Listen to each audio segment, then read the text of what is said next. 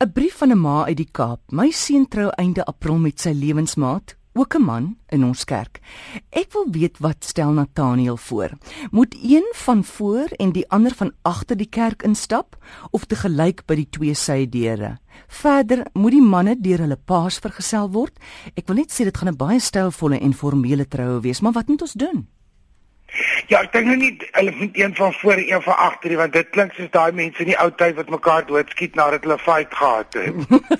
As hulle na mekaar te stap. Die die reël is met wat noem mense same sex in selfde geslag?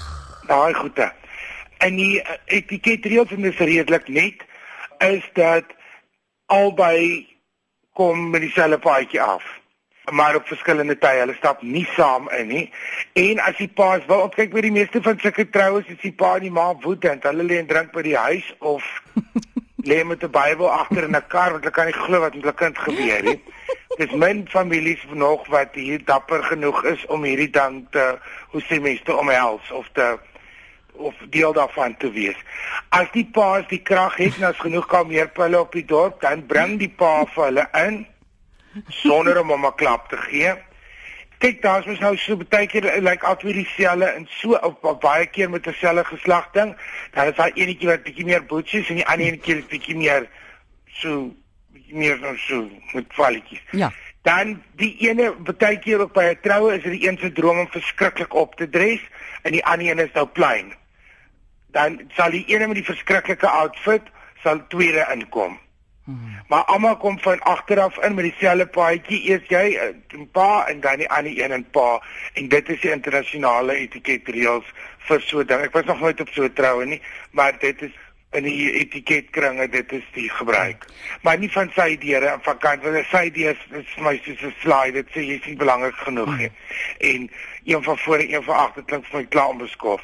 So ek dink hulle moet dit maar volg soos Afrikom na mekaar ook nie saam nie. Want dan lyk dit soos 'n koor wat se bus gebreek het. Hulle kom na mekaar in. Nou hoekom moet die een met die flamboyante uitrusting dan nou laaste inkom? Dit is toe vir vir theatricals. Dis maar die bruidegom staan voor die bruid. Staan en ah. daar is regtig same sex couples wat enetjie is mos maar die mannetjie enetjie is maar die wyfie. Ja. en by ander is albei dieselfde verstaan dit dan af jy kry mos baie wil die een wil 'n rok dra en met die ander ene of as vrouens trou die ene pak aan en die ander ene 'n rok aan. Hulle het mos afhangende van hulle persoonlikheid is daar een wat stil is en een wat verskriklik flamboyant is of so. So jy hou maar weens teatraliteit die entrance vir laaste kom ons praat 'n bietjie oor die onthaal met so 'n storie. Ek weet by ander troues dan is dit mos die kousband van die vrou wat gegooi word en die wat nou weer van 'n man? Ek was ook so lank pas op 'n troue. Ek weet wat gooi mens iets van 'n man sy mangel. Ek weet wat gooi mens van 'n man sy checkbook.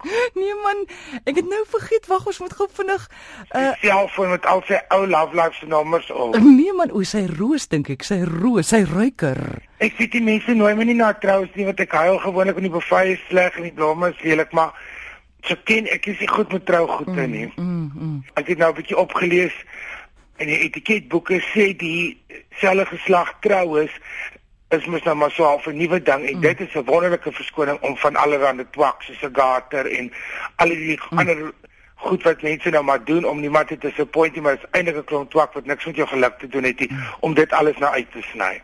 Dink jy daar sal 'n eerste dans ook wees die aand? Ja, as die gaste dronk genoeg is, dan kan hulle maar kyk. ek dink dit is nog steeds vir baie mense, vir kyk is 'n baie groot aanpassing want sulke goed is nie.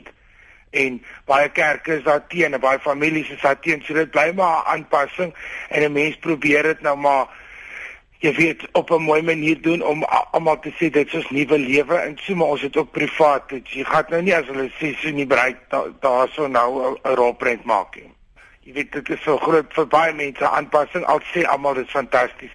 Mense bly maar geskok maar goed om en, en goed is nie vir mense. Enige raad wat jou naaste familie kan gee om die oomblik te geniet? Ja mense moet verstaan dat dit is 'n nuwe ding. Dis geskiedenis in die wêreld dit is maar die afloop na ons duisende jare op aarde is. Dit het nou maar 'n paar jaar terug is dit wettig in 'n paar lande en waarvan ons een van die eerstes was So dit gaan oor twee mense wat besluit het dit is hulle keuse en dit is hulle geluk en vir baie mense is dit moeilik en so. As jy aanvaar om so iets by te woon, om so troue by te woon, dan gaan jy met 'n oop gemoed en met blydskap en weet dat die geluk van twee mense volgens hulle keuse is hierdie dag. En dan embrace jy, dis die woord om help klink so verkeerd. Omarm? Nee. Omarm. Ek weet aanvaar. Dis so 'n drankie in dit nou ek alles omarm. Maar jy aanvaar dit en jy gee goedkeuring weg. Jou bywoning sê ek is daar om julle te ondersteun en julle geluk is vir my belangrik.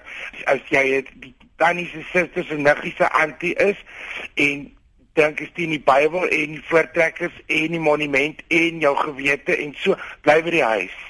Jy kan nie in die hoek gaan staan met 'n program wat sê o, gaan nou opgooi want dis nie die wet nie. Dit so dag en dit is hoekom mense net hulle intieme vriende of sulke goed na enige troue toe behoort te nooi en nie die heel al jy is om 'n ring van die mense wat jou aanvaar, wat jou lewe makliker maak, wat jou liefhet en wat jou wat jou support system is, wat jou krag is in die lewe. Dit is die mense wat jy na so 'n geleentheid toe nooi. Mense wat vir jou daai geluk gun. Ja.